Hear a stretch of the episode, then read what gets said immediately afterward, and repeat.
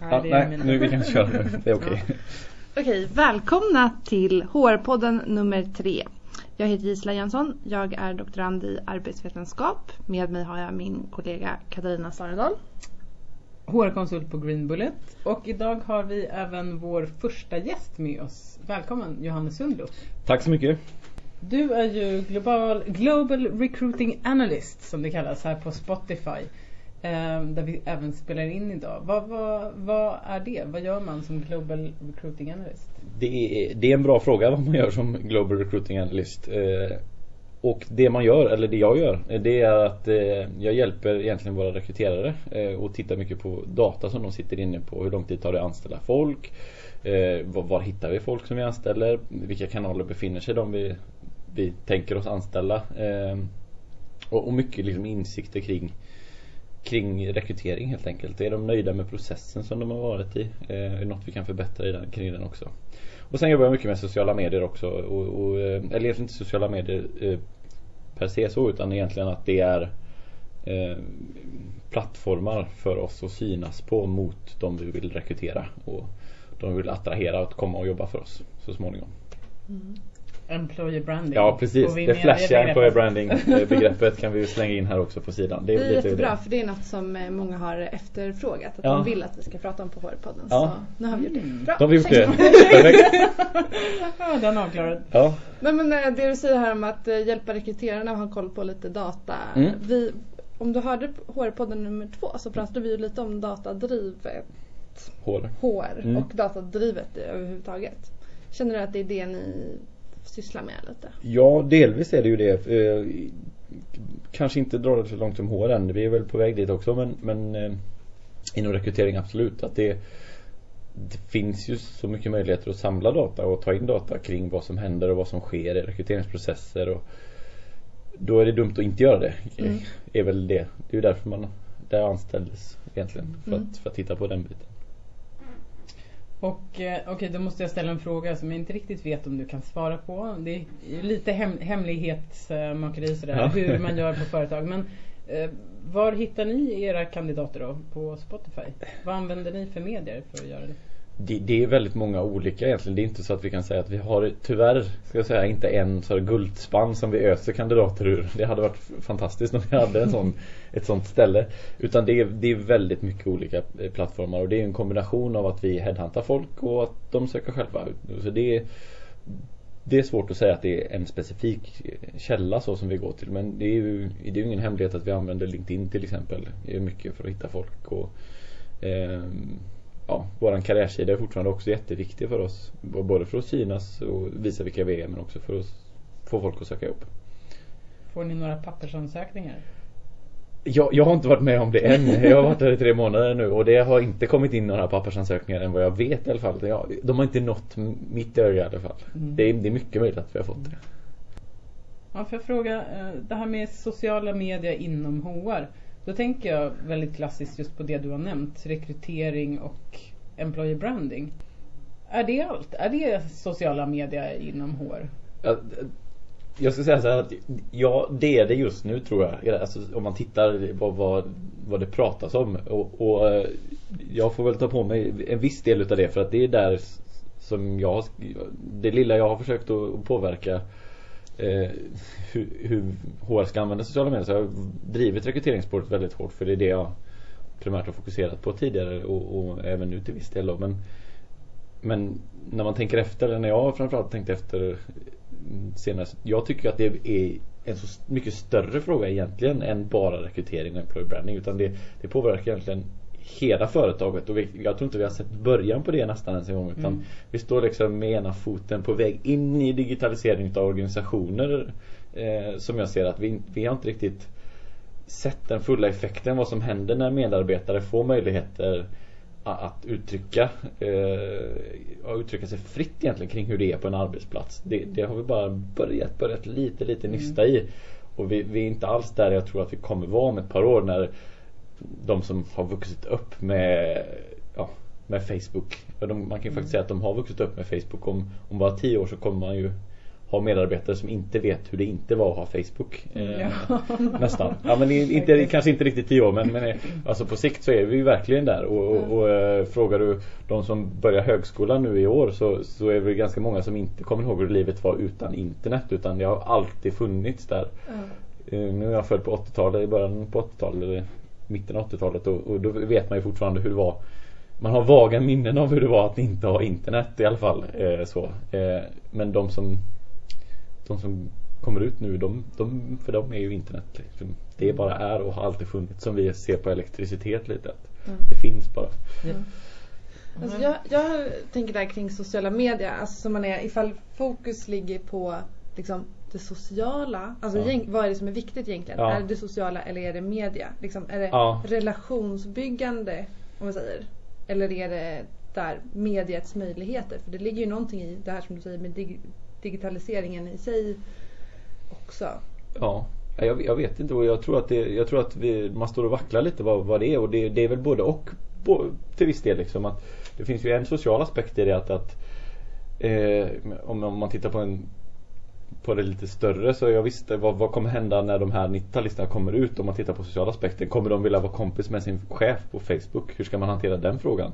Jag tror att den i allra högsta grad är reell i ganska många organisationer att, att eh, nya, man är anställd första dagen och det man gör det är att lägga till varandra på Facebook. Eh, så, så var det när jag började här i alla fall. Det var liksom i Första veckan då, då la man ju till sina kollegor och så står man och vacklar lite kring sin chef. Ska jag lägga till, lägga inte lägga till? Och jag tror att det, det är ju inget som kommer minska den liksom problematiken som finns där.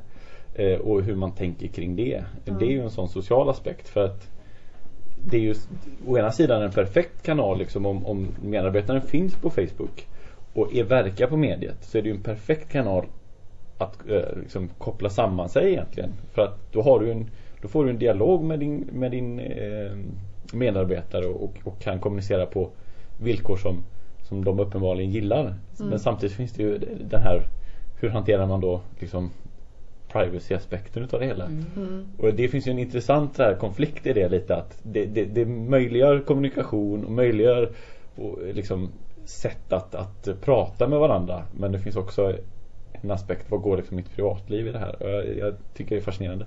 Nu kommer vi in på en väldigt spännande grej som faktiskt nu har vi börjat prata om. Det finns ju två, eller säkert flera, men som, som vi har tydliggjort nu. Det, är- det är dels det här med sociala medier utåt Mm. gentemot andra utanför organisationen. Men sen också det här med sociala medier internt inom organisationen. Både sådana yttre kanaler Mm. som Facebook men mer och mer så använder man ju också interna communities både för att dela kunskap och, och kanske ha någon slags eh, intern kanske Facebook eller Ja.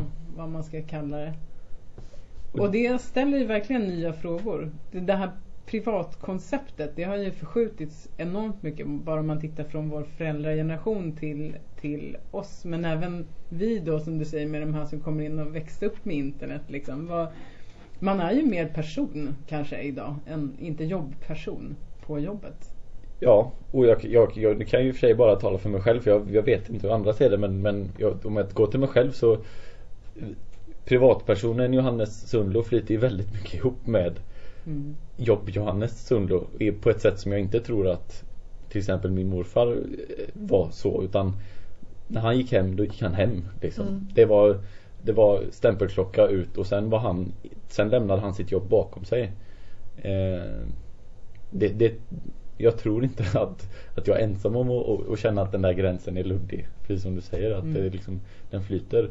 Och det är också ett HR-problem eller möjligt HR-problem också när det går till, till överstyr att man är man låter det flyta ut för mycket och jobbar hela tiden och aldrig kopplar av till exempel. Det kan ju få extrema konsekvenser. Och det är också Det hör ju också jättemycket ihop med digitaliseringen och att, Mm. att, att att, att HR måste få sitt huvud runt det här. Vad är det här nya vi står inför? Hur ska vi tackla det? Man kan inte inte ta i det utan man måste, tycker jag, greppa det här och, och på något sätt. Hur ska vi tackla det? Jag vet inte.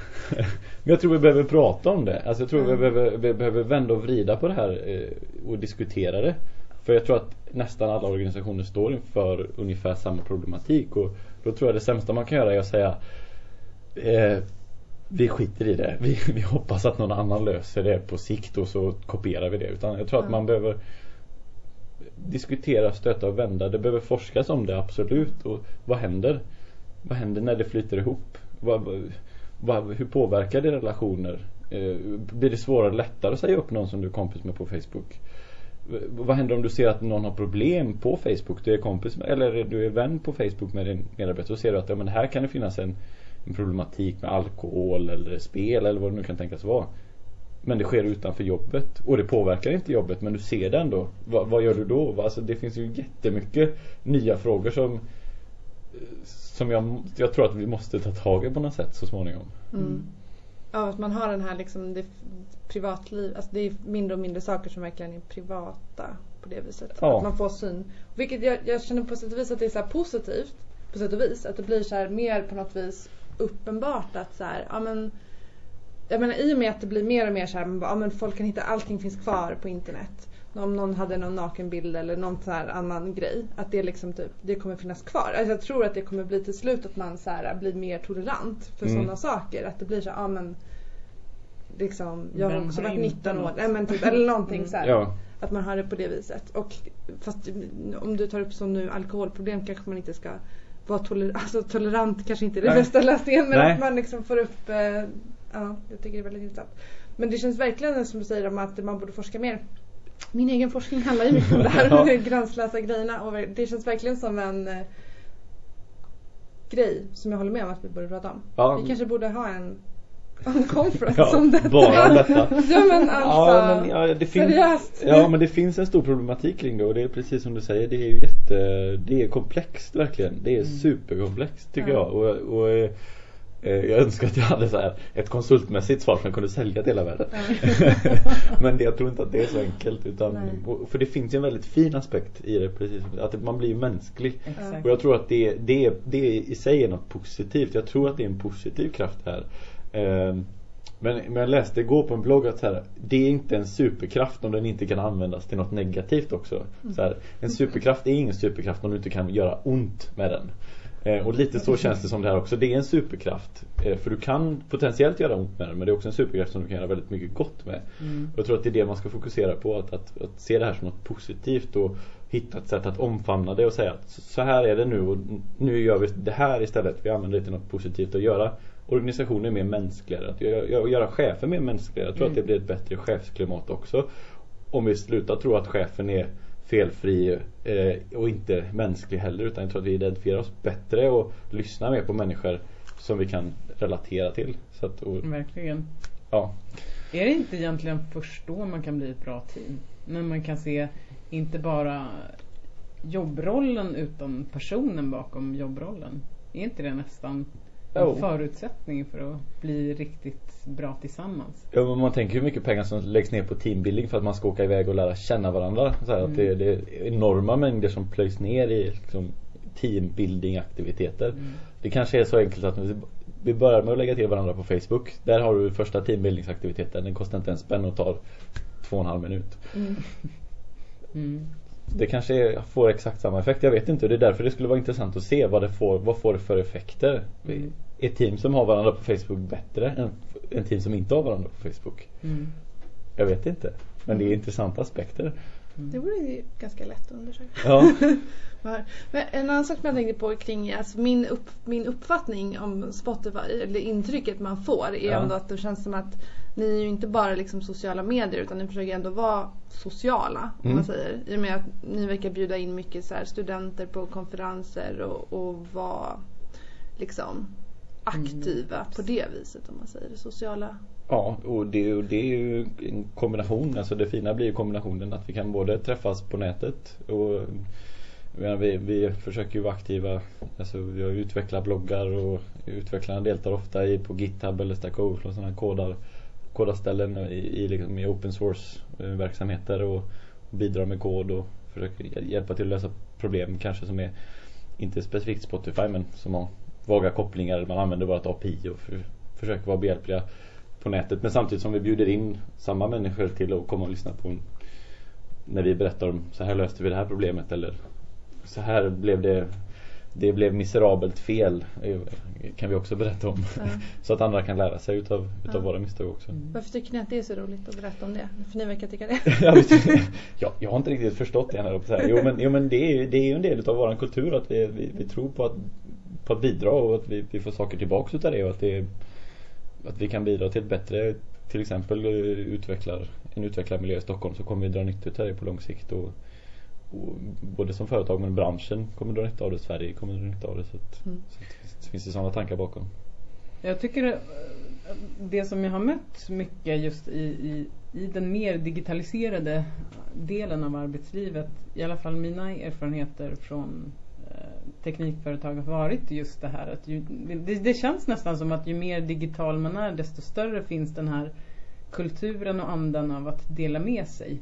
Mm. Att det är någonting väldigt fundamentalt och viktigt. Mm. Att, att man kör till exempel sådana här lunch and learns som är ett koncept då där man bjuder på lunch och så är det någon internt som delar med sig av ett visst område. Man håller en föreläsning på ett tema. Och så är det liksom öppet för de andra att lära sig och mm. diskutera. Hänger det ihop på något sätt? Just det här digitala. Hur kommer det sig? Att det så? Jag, jag vet inte vad det kommer sig. Det finns säkert någon bra förklaring mm. på det någonstans. Eh, men jag tror att det ligger mycket i att, att, eh, att det, internet är byggt så. Eh, ifrån grunden någonstans. Att det bygger på alltså, att du är kollaborativ och att det inte sitter och gör din egen grej utan du jackar in det till det större nätverket och genom det större nätverket så blir det bättre och du får mer spridning på grejer. Så jag vet jag, inte. Jag tar inte bara kattbilder för min egen skull nej, utan jag delar med mig. Precis. precis. Ja. Men jag tänker också det, alltså det är ju själva Alltså det är ju själva internets liksom natur ja. eller, eller, struktur eller hur man nu vill se det. Ja. Liksom att så här, men det man, om du inte delar med dig så typ är du i princip inte på internet. Alltså det är ju liksom Man lägger ut någonting Då finns det på internet. Då har man delat med sig. Det är DNA hela. Ja. Så absolut. Mm. Vad, vad, om man blickar lite framåt då. Nu har vi pratat lite mer om hur det ser ut idag. Och om man blickar framåt med sociala medier och HR. Vad hägrar där framme i ja. horisonten? Ja, jag, hopp, jag, hoppas, jag, har ju, jag hoppas ju jättemycket på att, att, eh, att HR steppar in här nu och säger så här. Vi, vi, det digitala och när här medarbetare och och, och, vad som händer och, och, eh, hur ska vi förhålla oss. Vi, vi, löser det. Vi har, vi har under kontroll. Eh, rekrytering. Vi, vi, vi hittar alla du vill hitta i sociala medier. Vi har, vi har fullständig kontroll över detta. Eh, och att man tar ett tydligt ägandeskap över de här frågorna och, och hittar ett förhållningssätt till det här. För jag tror inte att det här kommer minska på något sätt. Utan jag tror verkligen som vi varit inne på innan att den här 90-talistgenerationen och, och framförallt ännu, ännu värre höll jag på att säga, men ännu mer ska man säga när de som är födda på 2000-talet kommer ut i arbetslivet, vilket inte är så långt bort. Framförallt i 90-talistfallet är det ju en verklighet idag. Eh, då, då tror jag att vi, det kommer bli en del tuffa tider för företag. Eh, när, när 90-talisterna eller när 2000-talisterna kommer ut och, och eh, och tycker att det här jobbet och min chef är skitdåliga. Ja, men mm. då kommer de berätta det. det. Det, är liksom, jag tror inte att det, vi kommer bli förskonade från det utan de kommer lika naturligt som att de tycker att det är att dela vad de åt till frukost så kommer det bli att säga att jag jobbade på företaget X och det var skit. Ja, jag upplever att det redan till en viss del har blivit så idag. Om man jämför med just employee branding-arbetet förr i tiden var väldigt mycket en envägskommunikation. Det var företaget och marknadsavdelningen prånglade ut bilden mm. av så här är vi som företag.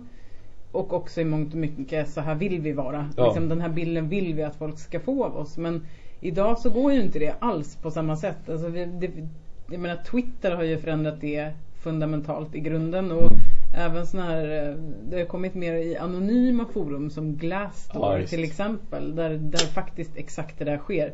Fast i, i anonym form. Ja. Så det, Glassdoor är alltså en sajt där ja, anställda delar med sig av vad de tycker om företagen. Eh, Recensera sina arbetsgivare. Ja, ja och, inte bara, och inte bara med recension utan de berättar vad de har i lön, vad de tycker ja. om vdn. Ja. Kandidater som har varit i processen kan gå in och recensera processen. Hur var det att ansöka om jobb till det här företaget?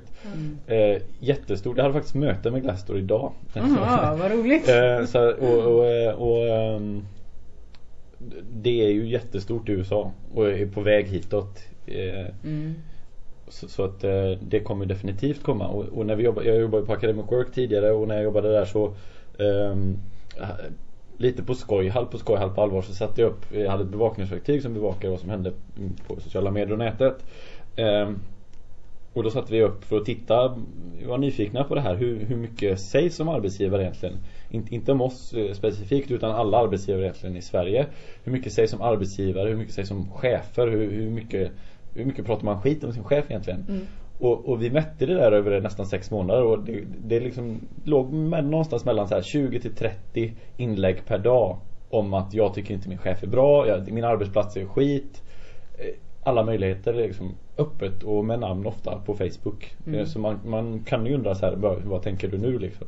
Men, men likväl en realitet och faktiskt något som man ska ta i beaktning som företag att skulle någon vilja sänka en som arbetsgivare om man, om man är riktigt dålig eller gör något som är riktigt sådär det här är inte bra. Den möjligheten att sänka sin arbetsgivare så till en milda grad att det blir kaos. Det, det, det, det finns ju verkligen den eh, möjligheten för, för anställda idag till exempel. Eller för utomstående som, som Hemköpsincidenten igår här. En butikschef har gått ut och ja, det är oklart fortfarande vad, som, vad han har gjort lite men, men i, enligt vittnen kastat vatten på en, på en tiggare som satt utanför. Mm. Jag menar, de handlingarna får spridning idag. Hade det varit för 20 år sedan Ja det, det kanske hade gått till GP, Göteborgs-Posten. Och så mm. hade det antagligen stannat där i lokalspridning i Göteborg en liten notis och så hade man glömt det dagen efter. Nu vevade ju på, jag såg det var folk som har gått ut med gjort Youtube-dokumentärer, egna lite små så här, undersökande, intervjuat vittnen, varit utanför butiken, fixat och trixat. Och det här liksom inom loppet av ett dygn så har den allmänheten fått nys om det här, gjort en grej utav det och det vevas runt i sociala medier fortfarande över ett dygn efteråt och det kommer antagligen inte dö ut heller. Och då kan man undra, vad, vad får det för påverkan, en sån incident på en organisation? Mm. Hur hanterar de anställda det? Nu var det en chef som gjorde det. Men om det har varit en anställd då, vad, vad får det för konsekvenser? Vad, vi, vi är inte isolerade längre. Mm. Så att, eh, ja. Alla måste tänka på sin någon slags impression management uh, grej hela tiden. Ja, ja men det, och det, och det är ju så här, det är, det är både bra, ja, bra det är, bra, det är både bra och dåligt. För det på, vid första anblick så kan man tänka så här, shit, hur ska jag klara, hur ska vi göra det här? Herregud, så här, vi, vi är under konstant liksom så här. Fast det är ju inte svårare än så att vara en bra arbetsgivare och så löser det sig ju liksom. Det är ju det det handlar om. Mm. Det är där jag tycker kärnan i förskjutningen har legat. Att ja. förut så handlade det om bilden ja. av hur du är som arbetsgivare. Men idag handlar det faktiskt om hur du är som arbetsgivare. För allt annat kommer att komma ut i form av sociala medier och allt mm. vad det är. Ja, särskilt, och särskilt om det finns en stor diskrepans liksom, Precis. mellan vad man säger och, och då, vad man är. Och då kommer det börja skava med en mm. gång. Alltså det finns ju inget man kan ju inte göra ett statement idag som arbetsgivare och säga att det här är Sveriges bästa arbetsplats och, och är, är det inte det då, då, då får man på pälsen ganska omgående. Mm. Och jag tror inte att det kommer minska direkt. Så. Är det här en slags demokratisering i arbetslivet? Alltså jag, jag, jag brukar nästan eh, dra till med att det är empowerment, det gamla 90-tals... Eh, Dängan. ja, precis. Det 90-talets employer branding. Eh, nej, men det är ju lite det, är lite det. Det är ju att du, du får en liten maktförskjutning nästan egentligen till att det här är liksom medarbetarnas mm. arena lite. Såklart inte för att det är fortfarande vi har hög arbetslöshet och vi har eh, det är fortfarande lite arbetsgivarens marknad på många ställen och det kommer säkert inte slå lika på om du tittar på bransch och demografi i Sverige så tror jag inte att vi kan, man kan dra som generell slutsats att det här kommer påverka alla i hela, alla arbetsgivare i hela Sverige. Men, men eh, arbetsgivare där det är svårt att få tag i arbetskraft, absolut. Mm. Ingen, ingen snack om den saken. Eh, så ja. ja. Det känns nog verkligen att det är både liksom, alltså både arbetsgivaren kan bli granskad men också att de som, alltså arbetstagarna blir mm. granskade också. Och jag tänker också att det finns plus och minus med det här att saker går så snabbt online. Det, jag, kom, kommer att tänka på ett exempel som jag tyvärr inte kommer ihåg så väl. Men det var någon som jobbade i Vita huset och det, hade, det, det blev en hon hade skrivit någonting eller gjort någon miss av något slag. Men den hade missförståtts och det hade twistats om det hon egentligen sa. Men det hade spritt sig så snabbt så att liksom innan man ens hade gått in och tittat vad var det som egentligen skedde. Mm. Så bara blev det direkt en, en, som en mobb nästan liksom. Att Ja. nu, nu måste hon avgå och det här var katastrof och skandal och, och sen när det väl kom till kritan så var det liksom ett missförstånd i grunden.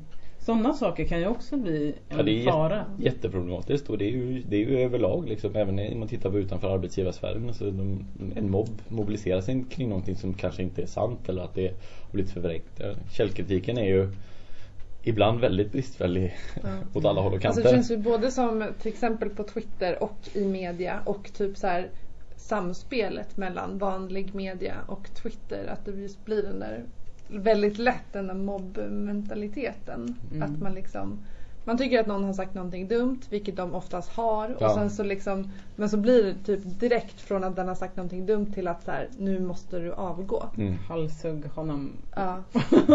Ja men lite Och, så är det det, ju. och det, det tror jag är så här, det är också någonting som känns som att Ja, jag ser ingen så här avmattning i den trenden. Men det känns som att man måste försöka göra någonting åt det. Alltså i det här med att ifall man ska kunna vara så här autentisk och liksom warts and all typ ska synas. Då kan det inte vara så att man måste avgå varje gång man har gjort något sagt någonting klumpigt så här, även om det verkligen var klumpigt. Det var verkligen dumt att säga så liksom att så här, men att man ändå så här, om man måste bli av med jobbet då, det, det blir liksom, det blir inte riktigt hållbart heller känner jag. Och det, är åt, och det är återigen något som arbetsgivare måste förhålla sig till och, och tänka igenom så här att, ja, men, att, att höja toleransnivån för sina anställda för också, om, om man vill ha det här öppna klimatet att vill att ja, men, vi är en bra vi tycker själva att vi är en bra arbetsgivare vi kan stå för det vi gör och vi är, vi är som vi är liksom.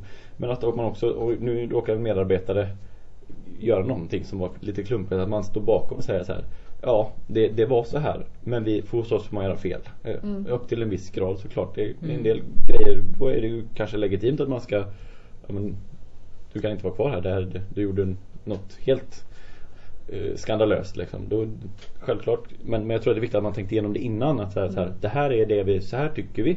Det här är de förhållningsregler vi har. Det här är de spelreglerna vi har.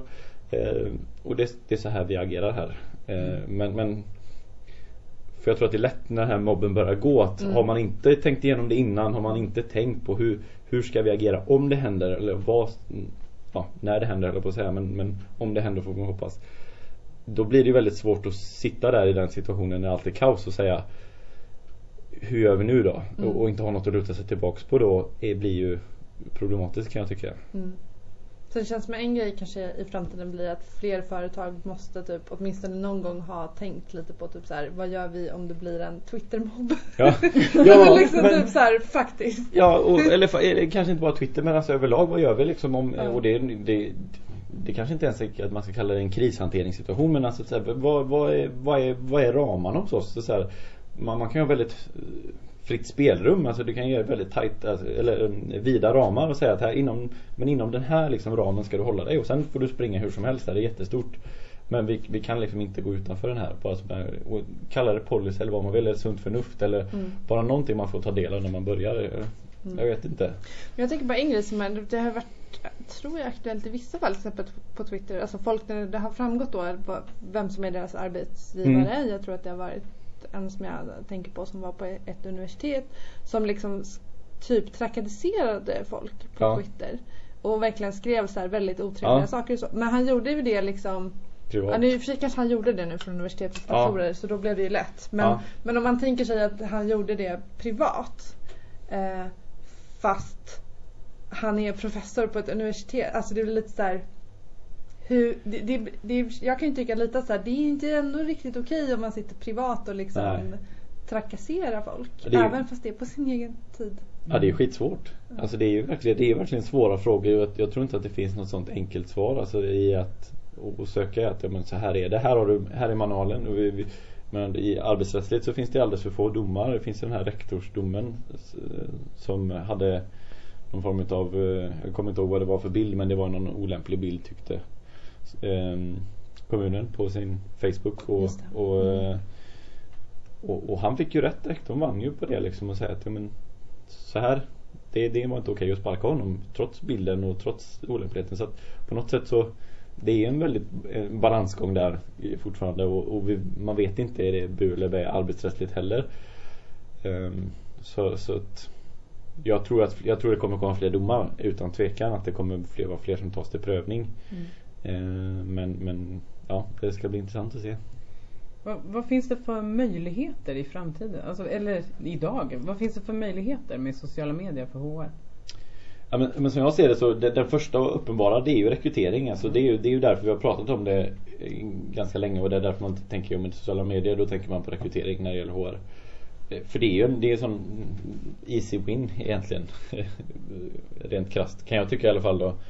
Eh, möjligheten att prata med folk, alltså inte bara vara ett envägskommunikationsmedel när du ska rekrytera. Eh, förr så satte du in en platsannons och så betalar du hutlösa pengar för den och du betalar fortfarande hutlösa pengar för övrigt. Eh, och så kan du ingen möjlighet att, att respondera tillbaks så nästa gång du ska göra det måste du dra om processen. Alltså det, det är inte så att du vinner så att säga, följare eller att folk börjar helt plötsligt följa Spotify bara för att vi satt in en annons i, i, morgontidning. Eh, där har du vinsten på sociala medier att varje gång du annonserar de som är riktigt intresserade de börjar även följa dig. Vilket gör att du behöver inte betala för att synas mot dem nästa gång utan du syns förhoppningsvis automatiskt. Eh, och det, det rent krasst finns det en jättestor ekonomisk besparing mm. i, i det eh, sättet att jobba på. Speciellt med tanke på att priset för att sätta in en platsannons i en tidning är brutalt högt. Och du får extremt mycket värde för de pengarna om du väljer att annonsera på Facebook eller Twitter eller Google mm. eller vad nu kan tänkas vara. Eh, men sen finns det ju, eh, jag, jag ser ju, vi skulle kunna sitta här i flera timmar och prata om vad det finns för vinster för HR och sociala medier. Men, men det är ju som jag säger, alltså, som vi har varit inne på hela tiden, den största vinsten tror jag är organisatoriskt. Att man börjar titta på eh, organisationen utifrån ett perspektiv att att vi, det finns en ytterligare intressent i det här liksom. om, man, om man tar det perspektivet att förut så var det ägarna som styrde företaget och medarbetarna var viss, till viss del intressenter och samhället var en intressent. Liksom så här, det var, fanns olika intressenter. Nu, nu, samhällets inflytande över ett företag är brutalt stort och medarbetarna har kanske minst lika, inte lika mycket som ägarna fortfarande. Jag tror inte att vi är där riktigt än men jag tror att på sikt så kommer det vara så att medarbetarna sitter på väldigt mycket mer makt än vad man har gjort traditionellt sett. Eh, I och med att man har möjligheten att är man missnöjd, är man riktigt, blir man riktigt, riktigt dåligt behandlat och rikt, blir riktigt missnöjd eh, så kommer man kunna ventilera det. Och, och har du bara tillräckligt så att säga stoff och kanske lite kontakter då, då kan du få ut det överallt. Och, och, och det kan bli riktigt jobbigt för en arbetsgivare och, det, och vi måste verkligen börja förhålla oss till det. Jag tror inte att man kan stoppa i sanden. Jag tror att det finns jättemycket möjligheter kring att använda mm. sina medarbetare också på ett positivt sätt. Alltså in, inte dels vara en bra arbetsgivare men också använda den kraften som de har. För de har ju en kraft eh, till något gott att få ut att ja, men här är bra att jobba. Eh, använda dem som ambassadörer och, och få dem att säga sprida det innehåll man vill sprida och, och, och, eh, berätta hur de har det och våga öppna upp och säga att det är okej okay att du tar en Instagrambild och lägger ut från din arbetsplats. Vi till och med uppmana folk att göra det kanske. Säg att ta gärna kort här inne. Det är mm. superbra. Ta inte på något hemligt. Eh, ta inte på känsliga uppgifter. Fråga folk om de vill vara med som att inte lägger ut eh, bilder på kollegor så vill de absolut inte vara med. Men jag tror att det frigöra den kraften istället till något positivt och, och våga öppna upp och prata om det det, det, kan givetvis slå, slå tillbaks på en också sen att man liksom, aktivt lärt sina medarbetare sociala medier och sen blir de jättesura och så går de ut och, och bärsar den. Men, men, men eh, jag, tror, jag tror att det är större eh, chans att de, att de blir ambassadörer och gör gott mm. snarare än att man säger nej men jag vill inte jobba här. Mm. Jag tänker även på en massa andra om man tänker HR och HR-processer eller HR-områden så, så ser jag jättemycket möjligheter för att använda sociala medier internt för att jobba med lärande i ja, en klassisk, alltså det här med samarbete finns ju helt andra möjligheter med digitaliseringen och eh, om man nu kallar det sociala medier men, men eh, det är ju ett område. Eller att performance management är också att få feedback från andra och vad det kan vara. Det finns jättemycket och många sådär. Det börjar tassa fram nu känns det som. Men det tror jag kommer komma mer och mer och mer också. Ja verkligen. Och, och framförallt så finns det jättemycket möjlighet med att folk idag har en smartphone som är kanske till och med eh, företagssponsrad smartphone. Där du kan eh, det finns ju en uppsjö av appar som kan hjälpa till att styra kultur, eh, alltså jobba med kultur, med, både med frågor och med med bilder och det finns en hel liksom, värld där som, tror, som jag tror fortfarande för övrigt är om man är entreprenör så har man världens möjlighet att, att tappa in på appar som går att koppla till arbetslivet. Mm. Ehm, så absolut, ja, det finns ju hur mycket som helst. Alltså ska vi, pratar vi internt då, då tror jag det är liksom möjligheterna oändliga. Men pratar man externt så jag tror att det, då tror jag det viktigaste att man börjar öppna upp mm. Buffer är ju ett annat väldigt bra företag när det gäller att öppna upp och göra grejer. Buffer är ju Jättespännande. Ja, de har öppnat upp sin löneprocess. Liksom. Mm. Och gått ut helt öppet med så här sätter vi lön.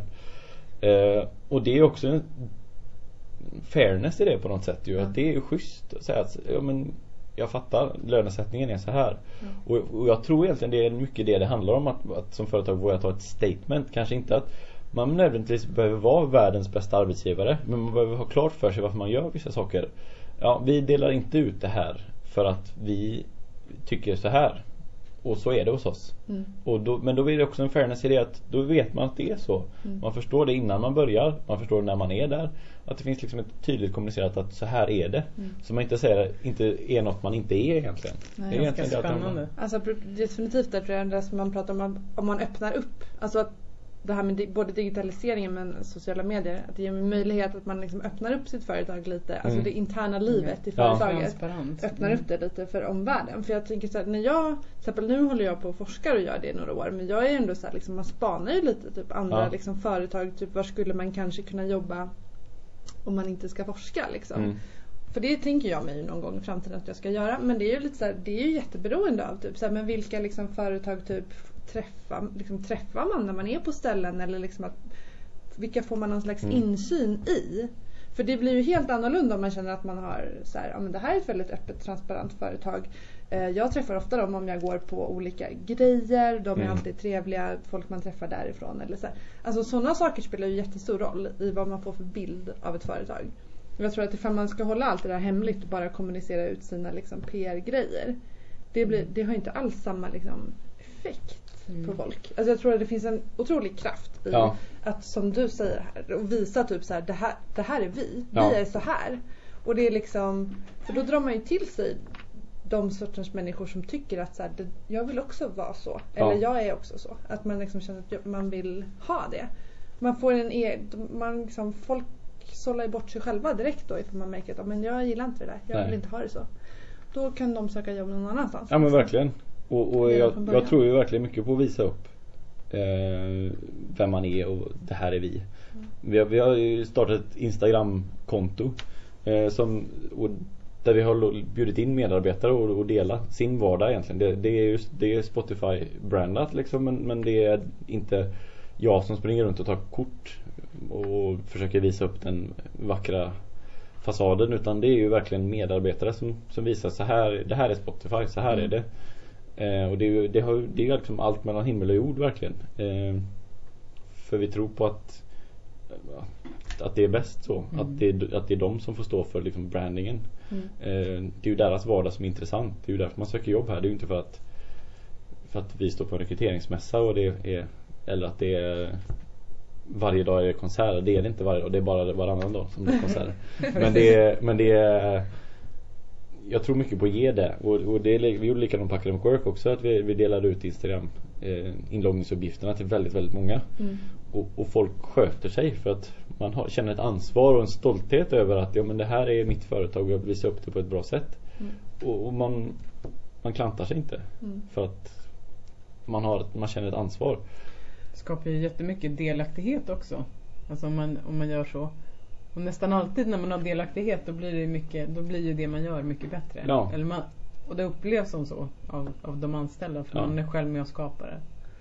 Det här med öppen löneprocess tycker jag var jätteintressant. Alltså det finns mm. en del forskning om eh, lönesättning ja. Eh, såklart. Och där man har sett just att det här med procedurell rättvisa. Alltså att ja. man känner att processen är rättvis. Ja. Inte bara typ så här, eh, hur mycket fick jag? Utan var processen rättvis? Ja. Det spelar jättestor roll för hur nöjda folk är med sin mm. lön och med sin arbetsgivare.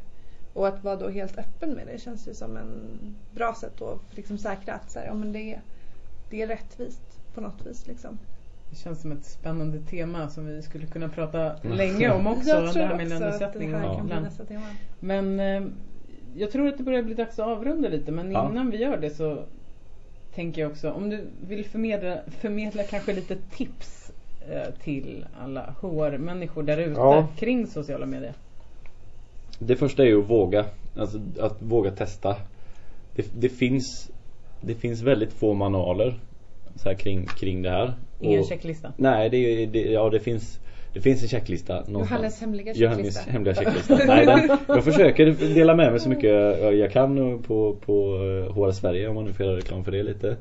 Eh, på våran blogg där. Eh, på hrSverige.nu eh, Försöker dela med mig så mycket jag kan och så mycket jag hinner och så mycket jag får. Framförallt. Eh, liksom så här, kan inte dela med mig av alla eh, alla grejer men, men så mycket jag kan. Eh, så visst finns det det. Men, men att våga och ha mod att testa och, och, våga göra fel. Alltså det, det blir fel. Det, det kommer oundvikligen bli fel. Så är det. Jag vet inte hur många gånger jag har fått så i panik klockan 22.43 inse att det här inlägget var inte bra. Eller det här har vi gjort knäppt. Eller det här går inte. Och då får man ta bort det. Mm. Och så är det inte oftast inte mer med det. Det blir ofta inga stora PR-stormar utav saker utan skriver man att vi gjorde fel, förlåt. Då, då folk köper det för att man är mänsklig och man gör fel. Eh, mm. Så det, det räcker oftast med det.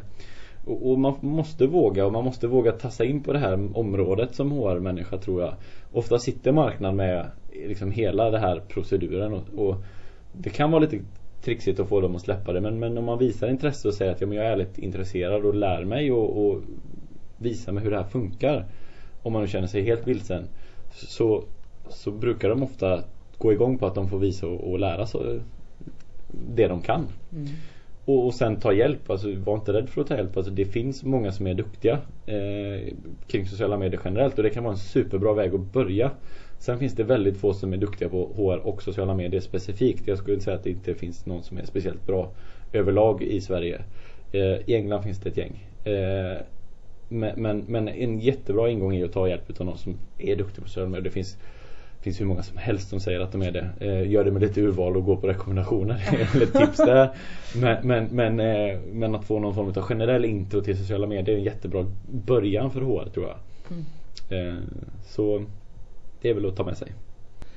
Tack så mycket Johannes för att vi fick träffa dig här på Spotify.